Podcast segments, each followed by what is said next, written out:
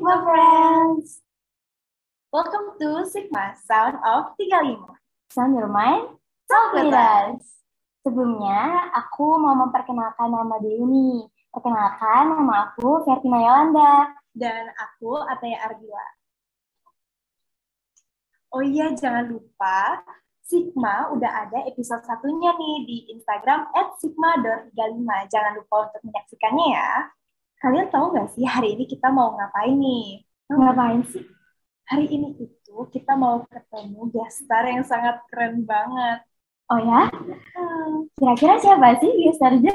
eh, siapa? Siapa ya? Ayo kita welcome aja. Kak Danifa. Halo guys. Gimana kabarnya nih Kak Danifa? Alhamdulillah kabar aku sehat-sehat aja nih. Gimana kalau penyiar hari ini kayaknya udah semangat banget nih buat menyiarkan podcast Sigma di hari ini. Alhamdulillah. Alhamdulillah. Kita semangat banget Kak, apalagi ketemu Kak Danifa. Ya ampun. Masya Oke, Kak Danifa tau gak sih?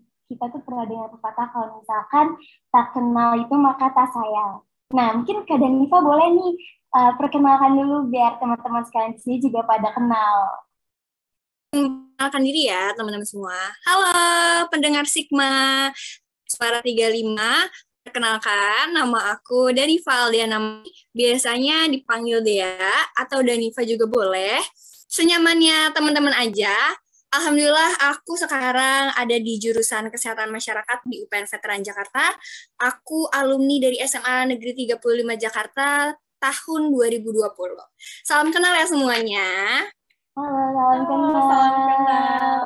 Aku gak kuat Kak, jangan senyum-senyum gitu ya. Santai-santai. Yang penyiar kita juga hari ini cantik banget kok. Jangan insecure gitu, guys. Aduh. Oke, mungkin Kak Danifa sebelumnya tahu nggak sih Sigma itu apa?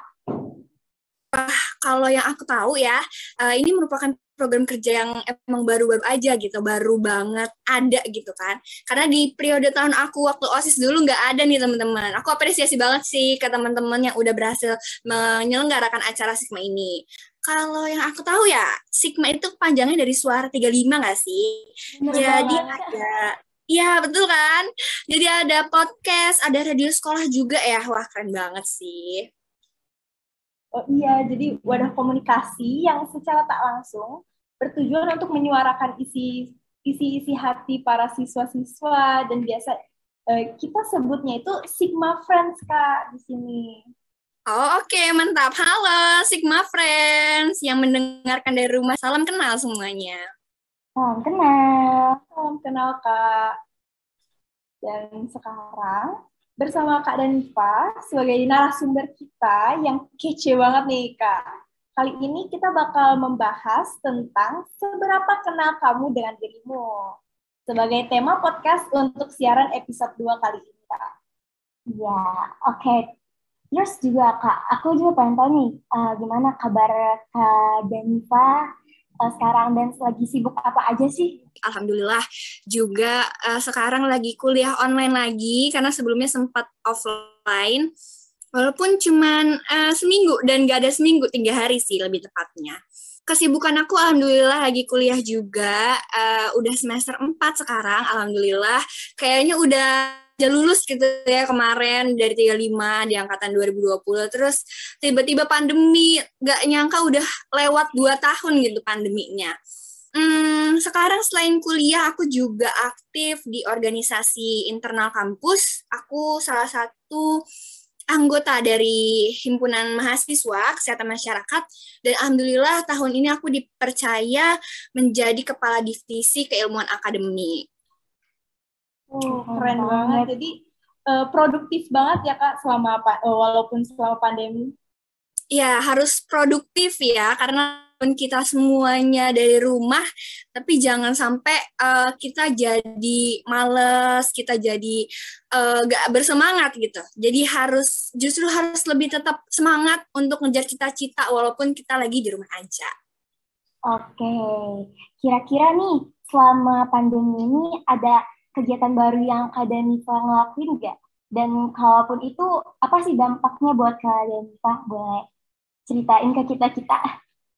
Oke, okay, kalau selama pandemi ya, walaupun uh, kita nggak bisa interaksi secara langsung gitu sama teman-teman, tapi alhamdulillah kan kita semua sekarang udah di uh, permudah ya dengan adanya Zoom, adanya Gmeet, bahkan call WA juga bisa untuk berinteraksi. Jadi kebiasaan aku yang baru, yang emang baru dua tahun ini dilakukan setiap hari, hmm, yaitu bangun tidur, nge-zoom, kuliah dari atas kasur dan ya dampaknya sebenarnya kalau kita pikir-pikir ya ada dampak positifnya juga ada dampak negatifnya juga gitu kan.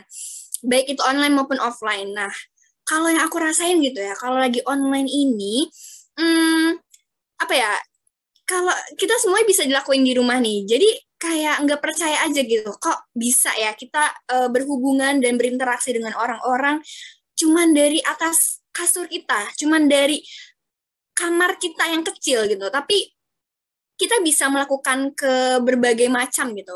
Waktu kemarin itu aku sempat mengadakan suatu acara international webinar dan itu aku berhubungan langsung gitu sama pembicara-pembicara yang emang, emang hebat-hebat yang aku pikir tuh aku nggak mungkin deh ketemu di nyata kalau misalkan offline gitu ya. Karena kan e, terhalang sama jarak ya terhalang sama jarak, terus juga memang beliau itu merupakan profesor di Taipei Medical University dan uh, susah gitu ya untuk bertemunya kalau memang offline. Tapi karena online kan semua dipermudah, kita bisa bertemu dengan tatap maya, kita dari Indonesia, beliau di Taipei, tapi alhamdulillah bisa bertemu gitu dan bisa berhubungan gitu. Jadi kebiasaan-kebiasaan yang memang aku kira pada awalnya membosankan, uh, tapi kalau misalnya kita lihat dari sisi positifnya pasti ada aja gitu yang memang uh, bermanfaat gitu, yang nggak kita sangka-sangka, uh, oh ternyata kita tuh bisa melakukan seperti ini loh di saat keadaan online, kayak gitu sih. Keren banget sih kak, wah parah banget, bener-bener inspirasi banget. kalau aku tuh pengen tahu juga deh kak, uh, kak Danifa ini termasuk tipe yang ekstrovert atau introvert? Nah kalau ini tuh uh, udah banget kali ya dari teman-teman. Mungkin kalau aku tuh kalau aku tuh emang orangnya ekstrovert, uh, lebih suka ya bertemu dengan teman-teman, lebih suka ngobrol sama teman-teman. Yang emang aku tuh lebih um, suka berada di kerumunan gitu. Jadi kalau aku punya teman banyak gitu, itu aku lebih suka daripada emang ya cuman diem, uh, cuman punya satu dua teman. Oke, okay, kalau sahabat oke okay lah ya satu sampai dua. Uh, itu emang yang paling deket gitu sama kita. Tapi biasanya sih aku kalau main gitu ya sama teman-teman itu pasti ramean aja dan lebih suka gitu. Wih, Kak, Kak Danifa coba ditebak deh. Aku termasuk extrovert atau introvert? kamu kayaknya coba ya ekstrovert juga sih ya, kayaknya. Kalau aku ya. Kalau kamu apa ya? Hmm, ambivert jangan-jangan antara Tapi kayaknya ekstrovert. Oh, aku bisa jadi gitu sih termasuk ah. iya. Iya. Tapi ya memang ada plus minusnya ya. Kalau ambivert enak bisa beradaptasi dengan berbagai situasi. Bener banget.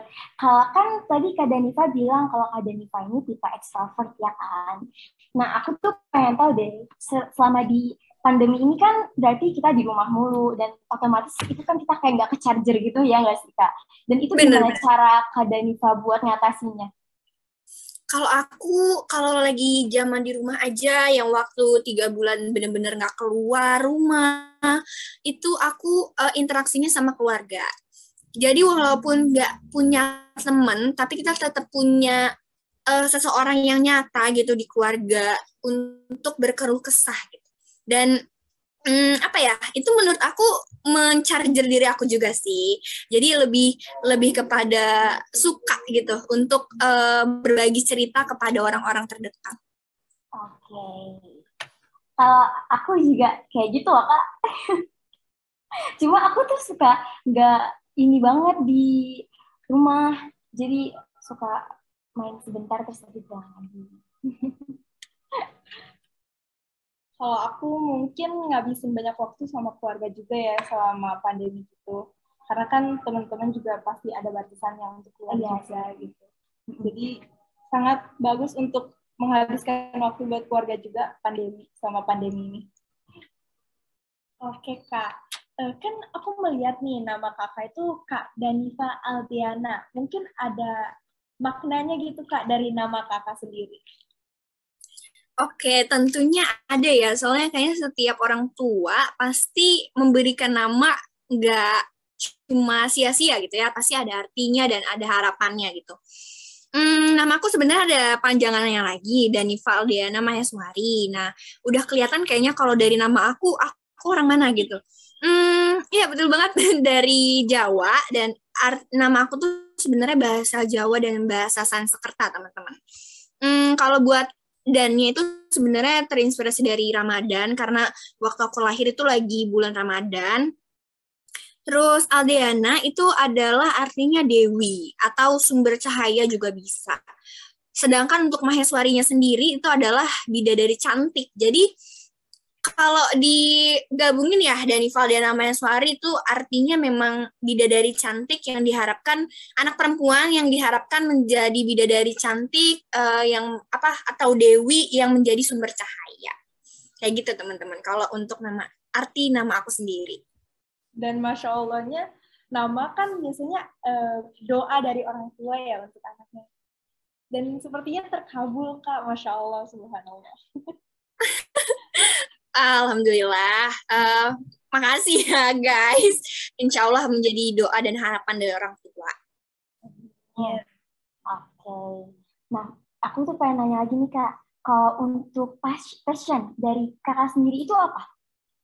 Passion ya, passion kan sesuatu yang emang kalau kita ngelakuinnya tuh kita seneng, excited gitu ya sebenarnya aku juga menemukan passion tuh lama gitu mencari-cari tahu dulu dari awal aku sukanya apa bagaimana tuh lama gitu. Dan aku baru tercetuskan di di 35 di 35 waktu kelas 11 nah itu waktu itu ada hmm, apa sih bazar ya. Pokoknya waktu itu aku uh, di OSIS itu melaksanakan acara yang memang apa buat keliling uh, stand yang itu loh kuliah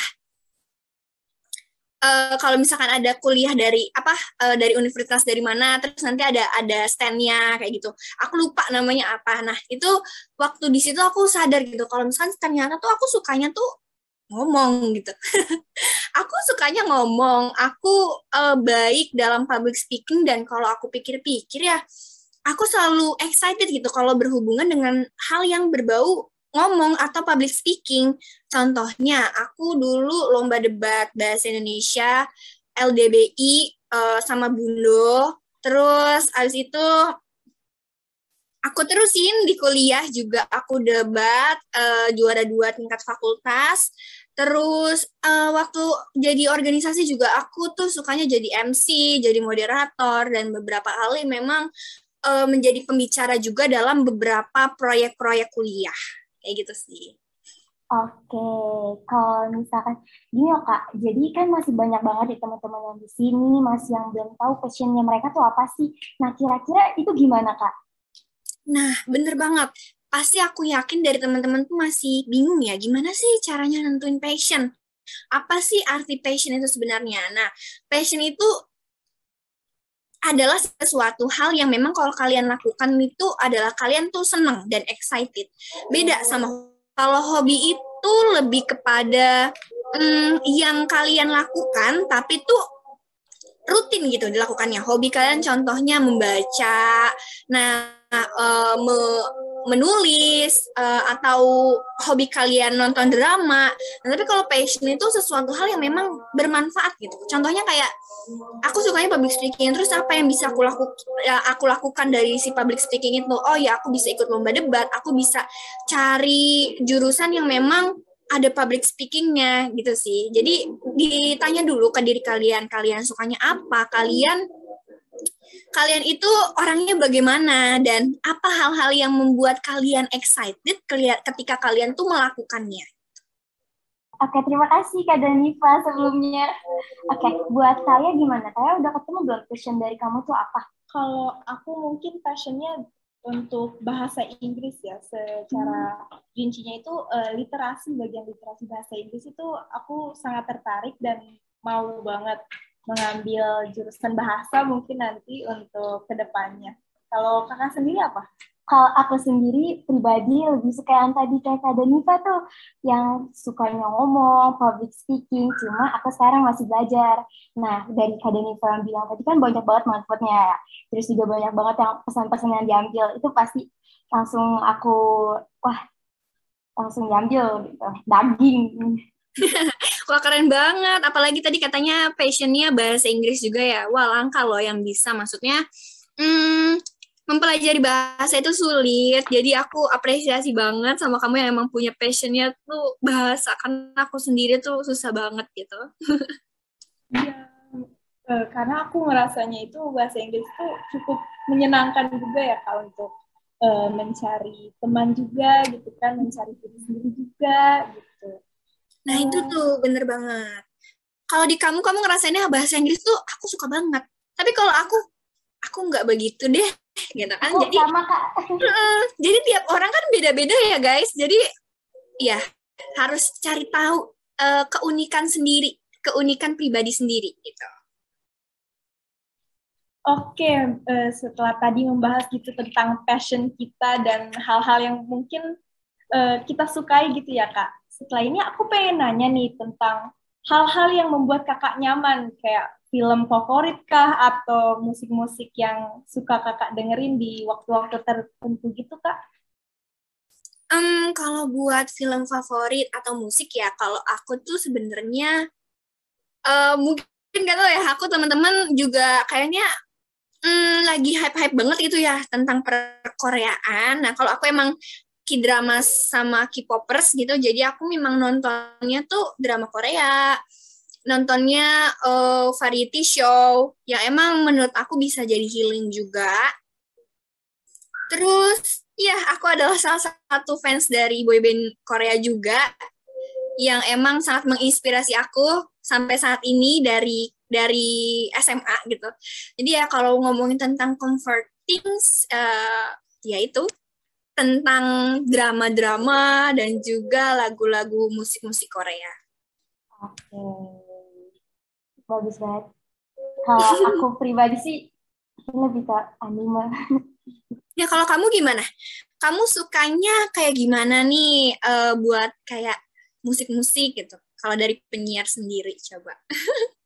Wah, makasih banget udah ditanya ini kak. Aku jadi semangat juga buat ngejawabnya. Kalau aku pribadi sih lebih suka musik-musik yang barat aja, yang anime-anime juga sih. Kalau kamu gimana? kalau aku juga masuk dunia perkipopan juga. Wah, mantap. ini sefrekuensi. Oh, satu frekuensi, bener-bener. Susah loh nyari teman satu frekuensi. Cocok-cocokan juga. Rekomen drakor nih kak. Oh alah, rekomen drakor. Wah, walaupun lagi aku bilang lagi suka eh lagi emang nyamannya tuh sama drama Korea, tapi belakangan ini aku lagi nggak nonton drama, jadi aku nggak ada rekomendasi drama nih buat sekarang. Oke. Aku tahu salah satu dari drakor. Apa coba? Uh, Descendants of the Sun. Bener nah, Benar banget. Kayaknya semua orang tahu ya.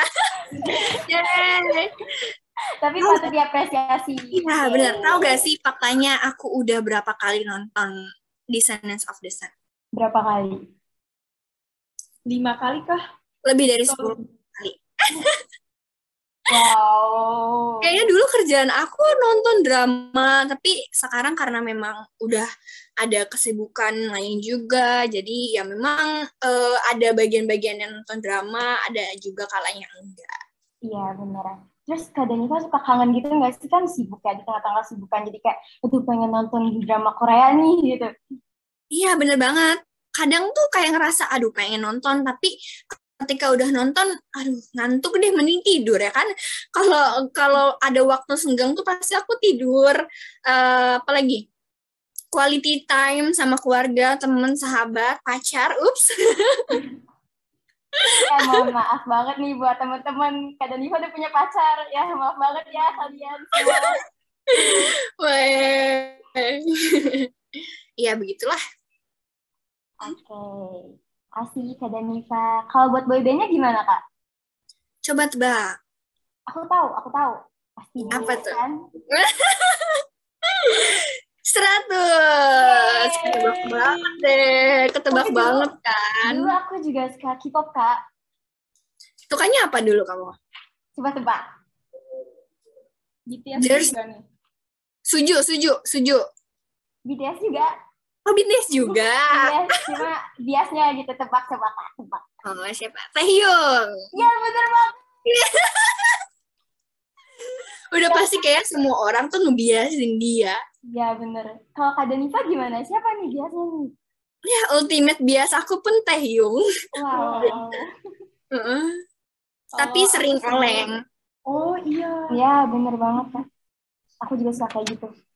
Kalau aku sendiri sih suka sama Yoongi. Hmm, itu bias striker pertama aku, Yoongi. Emang dia eh, keren aja sih. Maksudnya punya auranya yang mencengkam gitu. Oke. Kalau buat ini Kak, Kakak tuh suka ini gak sih suka kayak aware sama eh, diri sendiri kayak kekurangan sama kelebihannya gitu. Kan juga tadi nonton drakor suka berlebihan kayak gitu. Nah? Kakak suka aware gitu nggak? Iya, bener banget. Eh, aware-nya itu tuh kayak lebih kepada eh mengenal ya eh, kekurangan sama kelebihan kita tuh apa. Jadi dari situ pun aku tahu gitu kalau apa aja yang mesti diintrospeksikan dan apa aja aku unggulnya sehingga bisa dimaksimalkan. Nah, jadi ketika aku milih, contohnya deh, hmm, milih divisi, aku tuh gak bisa ngedit.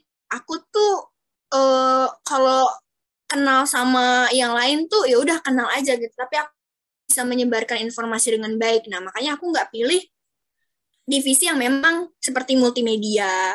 Terus aku emang orangnya tuh nggak suka jualan. Nah, makanya aku nggak ngambil divisi berkewirausahaan. Ya gitu sih. Jadi dari self awareness itu aku tahu kekurangan dan kelebihan aku. Jadi aku bisa ngolah untuk ke depannya apa yang harus diperbaiki dan apa juga yang harus dimaksimalkan. Kira-kira gimana tuh cara Kakak buat mengatasi hal itu? Kalau dari aku ya eh, banyak sih sebenarnya buat eh, mengatasi mengatasi hal eh, kekurangan dan kelebihan itu ya. Ya.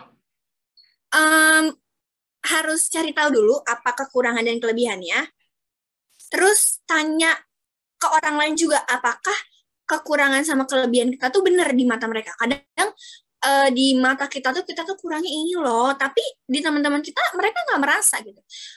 Nanyanya ke teman dekat sih lebih kepada orang-orang yang emang aware gitu sama diri kita. Contohnya keluarga sahabat. Nah itu boleh tuh ditanya ke mereka eh kita tuh orangnya tuh gimana sih terus dari mereka eh ya kita jangan sakit hati dulu gitu kalau misalkan mereka mengatakan kekurangan dan kelebihan nah ya udah dari situ kita introspeksi diri kita memperbaiki diri kemudian lebih memfleksibelkan diri untuk beradaptasi kepada berbagai situasi. Oke, berarti eh, dari sini kita bisa tahu kalau orang lain itu emang eh, juga peran punya peran penting buat kita ya. Benar-benar. Jadi walaupun kadang kan ada juga yang udah jangan mikirin kata orang lain gitu kan. Benar, tapi kita harus lihat juga nih mana memang orang-orang yang mau mendukung kita untuk jauh lebih baik dan jauh lebih berkembang, mana orang-orang yang emang mau cuma menjatuhkan kita doang. Iya, Kak. Jadi eh, harus tetap memilah-milah juga ya opini-opini dari orang lain gitu. Benar, jangan semua diterima, tapi jangan juga semua ditolak. Oke, terima kasih banyak Kak atas jawaban dan bantu-bantuannya. Mungkin untuk para Sigma Friends yang ingin mencari kemampuan mereka sendiri gitu ya Kak. Eh, dan kita kan melihat nih Kakak udah tahu mungkin eh, kemampuan-kemampuan Kakak. Mungkin ada nih Kak kemampuan unik yang Kakak miliki gitu yang jarang ada di orang lain. Kira-kira apa nih Kak? Hmm, kalau buat public speaking sebenarnya semua orang bisa gitu ya. Makanya aku nggak mencantumkan itu gitu. Kalau public speaking kayaknya aku rasa semua pejabat, semua orang-orang hebat pun bisa gitu public speaking. Jadi aku nggak mencirikan diri aku sebagai hal itu gitu. Nah, tapi kalau hal unik yang aku baru sadari belakangan ini tuh aku setiap kepanitiaan dari zaman SMA itu selalu ada di divisi acara.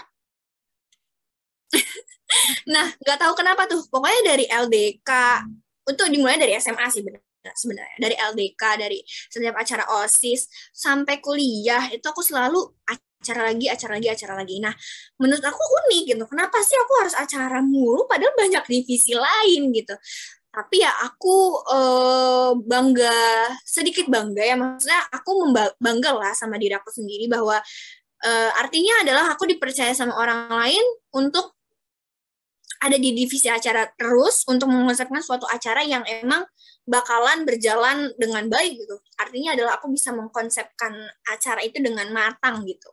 Dan orang-orang percaya sama aku. Alhamdulillah walaupun ya mungkin hmm, gak begitu besar apa yang aku, eh, keunikan aku gak begitu unik, gak begitu berpengaruh juga. Tapi menurut aku patut dibanggakan, terutama untuk diri aku sendiri yang emang ya itu merupakan uh, sebenarnya keluar dari zona nyaman juga sih. Nah, berarti tadi kan kakak pernah bilang kalau misalkan Kak Danifa ini sering banget buat jadi MC, ya kan? Itu Kak Danifa tuh pernah nggak sih ngerasa grogi buat tampil gitu dan gimana cara kalian bisa ngatasin itu Nah iya bener banget. Aku kalau ditanya grogi pasti grogi karena semua orang tuh pasti punya rasa itu gitu untuk uh, takut, cemas. Takutnya apa sih yang mau kita omongin? Apa sih uh, orang-orang bakalan berpikir bagaimana ya kak kita kalau misalnya kita ngomong kayak gini, kalau kita ngomong kayak gitu. Tapi yang aku uh, yang aku lakukan sebelum ngomong atau mm, sebelum uh, naik panggung lah istilahnya kalau offline gitu. aku selalu tarik nafas, terus dibuang, terus pokoknya atur pernafasan secara baik dan pokoknya bagaimana cara kita untuk uh, mengeluarkan energi berlebih dari dalam tubuh kita. Jadi waktu itu aku juga diajarin ini dari dari waktu sama workshop uh, entrepreneur waktu itu di kelas 11 dengan Bu Rosmala. Uh, waktu itu diajarin gimana caranya untuk kontrol diri sendiri ketika mau maju ke depan, mau ngomong ke depan, mau ngomong di depan banyak orang, tapi harus tetap tenang gitu. Nah itu salah satunya adalah atur, atur pernafasan. Terus kalau emang kita emang bener-bener gak bisa melampiaskan energi yang berlebih dari dalam tubuh kita, kepelin tangan juga bisa. Nah, Hmm, kalau aku kadang juga nonton video sih, nonton musik-musik gitu yang memang bisa membantu aku untuk sedikit tenang lah. Contohnya kayak uh, lagu-lagunya BTS lagi-lagi ya. Uh, kalau itu kayak apa ya memberikan aku rasa tenang gitu. Kadang uh, kepala kita nih yang mengontrol, yang mengontrol cemas itu kita yang bisa mengontrol sehingga kita yang harus bisa me mengatasinya dengan cara yang tadi aku jelaskan itu bisa amat sangat membantu banget. Oke, terima kasih banyak Kak atas jawabannya.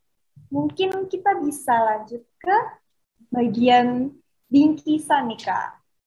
Waduh, apa tuh bingkisan? Keren ya namanya. Bener banget. Bingkisan itu biasa kita bikin pertanyaan dan teman-teman Sigma nih yang ngejawab gitu. Jadi buat ditanya ke Kak Danifa. Kak Danifa udah siap? Wah, siap banget dong. Berarti Sigma Friends ya tadi ya? Iya, bener banget. Sigma Friends emang sangat amat antusias nih buat podcast hari ini. Oke, kita langsung ke pertanyaannya aja ya, Kak. Oke, nah, kakak kan udah punya banyak pengalaman nih gimana sih cara kakak supaya keluar dari comfort zone? Oke, okay, kalau untuk keluar dari comfort zone, lagi-lagi ya, aku tuh bener-bener dididik banget sama uh, guru-guru aku yang ada di SMA Negeri 35. Bapak Ibu, terima kasih banyak sudah memberikan banyak hal yang memang uh, membuat aku seperti ini gitu sekarang. Jadi aku tuh memang banyak banget dapat pengalaman di SMA SMA sehingga aku tuh bisa keluar gitu dari zona nyaman aku. Uh, satu hal yang aku pelajari dari entrepreneurship workshop juga yang memang aku ikuti waktu kelas 11 saat SMA.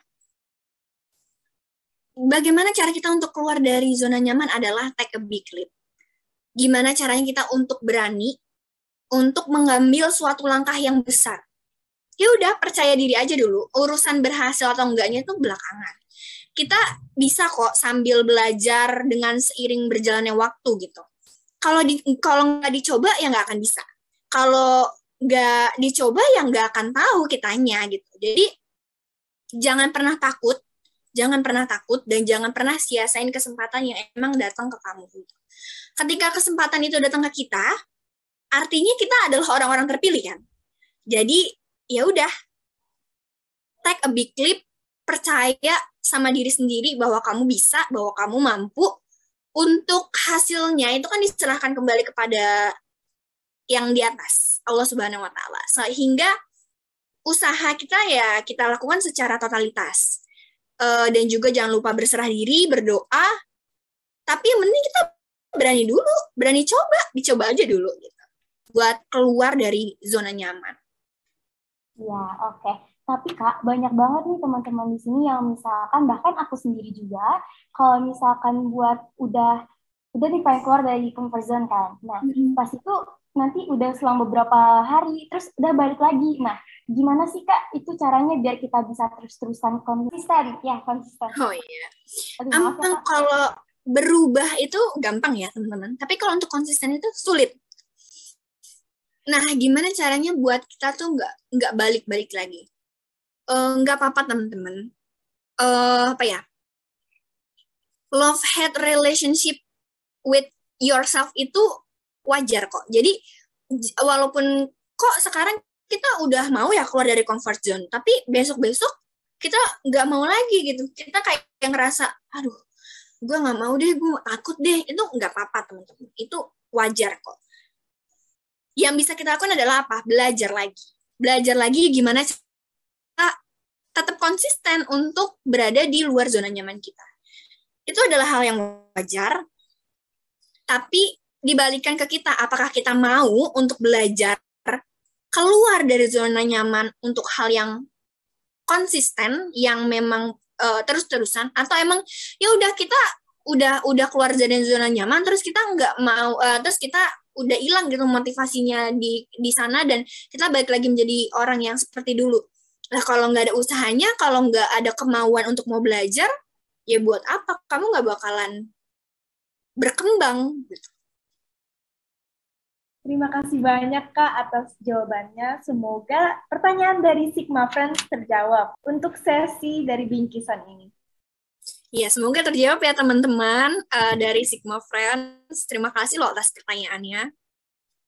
Sama-sama. Saya mewakili dari teman-teman sekalian. Sama-sama Kak Diva. Siap, siap. Lanjut ke bagian closing. Uh, ada beberapa pertanyaan nih sebelum kita mengakhiri episode kita kali ini, Kak. Kalau diberi kesempatan untuk menyampaikan pesan untuk diri kakak di masa lalu, masa kini, dan masa depan, apa yang ingin kakak sampaikan? sebenarnya pertanyaan ini berat banget gitu kayak ibaratnya kita lagi di deep talk nih sekarang deep talk. Um, kalau dari aku buat aku di masa lalu kesalahan itu wajar kegagalan itu ya artinya kamu harus coba lagi. Jadi nggak apa-apa semua itu nggak apa-apa asal kita harus terus mau berkeinginan untuk mau belajar. Nggak apa-apa untuk semua hal yang udah dilaluin tapi jangan sampai menyesal dan akhirnya nggak mau berkembang. Rasa sesal itu pasti ada, rasa kecewa itu pasti ada, tapi ayo berpikir untuk uh, masa depan gitu. Jadi semuanya nggak apa-apa gitu untuk aku yang di masa lalu. Kalau untuk aku yang di masa kini, uh, ayo, ayo kita untuk jauh lebih berkembang, jauh untuk memfleksibelkan diri, jauh untuk lebih mau belajar lebih banyak hal, jangan takut, jangan uh, jangan takutlah untuk mencoba hal-hal baru dan jangan juga malu gitu untuk uh, bertanya kepada orang-orang yang emang bisa membantu kita untuk jauh lebih berkembang. Untuk diri aku di masa depan, mungkin aku akan melakukan hal kesalahan yang sama. Tapi uh, aku akan berusaha untuk memperbaiki dan memfleksibelkan diri. Gitu. Jadi untuk aku di masa depan uh, ditunggu hasil-hasil yang terbaik dari aku yang memang uh, dari aku yang memang sedang berusaha gitu. Oke Kak, terima kasih banyak. Semoga uh, impian-impiannya juga tercapai. Semoga tujuan-tujuannya juga dapat dicapai juga untuk masa depannya gitu ya Kak. Uh, mungkin untuk episode kali ini itu saja. Terima kasih buat Kak Danita karena udah mau berpartisipasi buat ikut di acara Sigma ini. Semoga teman-teman sekalian juga di sini bisa mengambil amanat-amanat dari Kak Danita. Tapi sebelum itu aku pengen nanya deh Kak, sekali lagi boleh kan? Boleh, boleh. Mau nanya apa nih penyiar? Aku mau nanya kesan pesan kakak selama di Sigma ini gimana? Wah, terima kasih banyak ya udah mau ditanya terkait kesan pesan. Kalau dari aku, uh, ini merupakan wadah yang baik untuk uh, berbagi pengalaman dan juga uh, wadah jadi wadah untuk pembelajaran juga sebenarnya, walaupun adanya di luar kelas gitu. Jadi aku mengapresiasikan sekali kepada OSIS dan MPK yang udah melaksanakan uh, proker ini ya kegiatan ini yang memang di tahun aku tuh belum ada gitu kayak gini-ginian. Jadi terima kasih banyak juga udah mengundang aku, uh, udah memberikan kesempatan untuk aku berbicara dan berbagi. Dan di sini aku juga masih belajar, jadi aku mohon maaf kalau memang uh, banyak kesalahan yang aku sampaikan dan tolong diambil yang baik-baiknya aja.